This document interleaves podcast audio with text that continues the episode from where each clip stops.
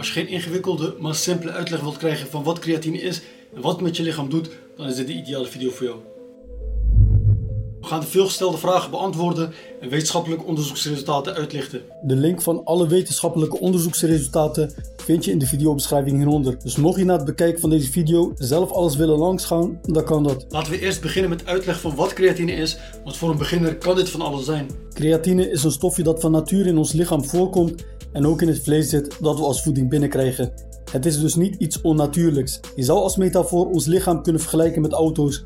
Elke auto heeft pk's vanaf het begin, maar je kunt een auto meer pk's geven om meer kracht te kunnen gebruiken. Creatine geeft spieren meer energie, vooral bij korte intensieve inspanningen en vandaar dat het supplement zo populair is bij sporters. Met meer energie in spieren komt er meer kracht vrij, met als gevolg verbetering van sportprestaties en dus ook resultaten. Dan zou je denken, als creatine al in je lichaam zit en ook in het vlees dat je eet, waarom zou je een supplement bijnemen? Een supplement is de makkelijkste manier om je dosis creatine te verhogen naar een niveau dat merkbaar verschil in sportprestaties zou kunnen aanbrengen. Want tussen de 3 en 5 gram creatine per dag innemen is de hoeveelheid die voor een sporter het verschil zou kunnen maken. Door 1 kilo biefstuk te eten krijg je 5 gram creatine binnen en met één klein schepje van het supplement krijg je ook 5 gram creatine binnen. Dat is een behoorlijk verschil en je ziet dus waarom het logischer is om het supplement te gebruiken voor de ideale hoeveelheid creatine. Nou is het bij ervaren sporters bekend dat creatine niet bij iedereen werkt en dit blijkt ook uit de onderzoeksresultaten. Tussen de 20 en 30 procent van sporters merken geen verschil na het gebruik van creatine.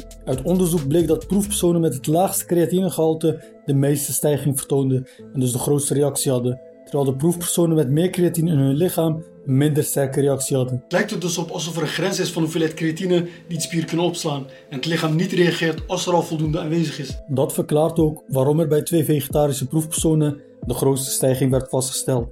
Aangezien ze vooraf geen supplement hadden gebruikt en ook geen vlees eten, was bij hun de creatine in het lichaam lager dan bij de andere proefpersonen en reageerden ze daardoor het meeste bij inname van creatine. Je kunt de werking van creatine bevestigen als je merkt dat je kracht sneller toeneemt dan normaal en je nog voller en zwaarder bent geworden vanwege meer vocht in je spier. Hoewel we lichaamsvocht als nadelig zien en ervaren, is het bij spiervocht anders en juist een voordeel.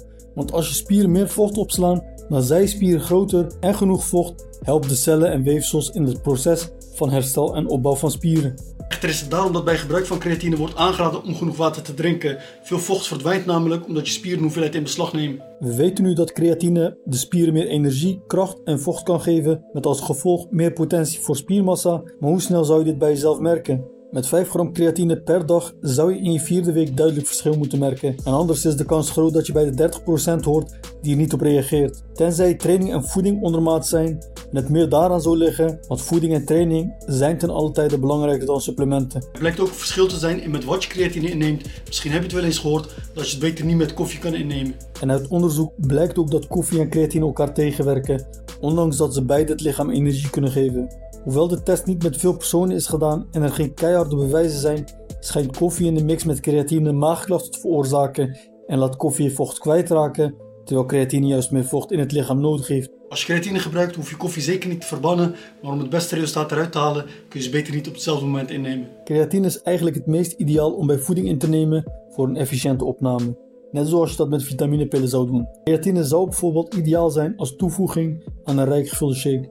Het is trouwens niet noodzakelijk om creatine voor je training in te nemen om het rendement eruit te halen.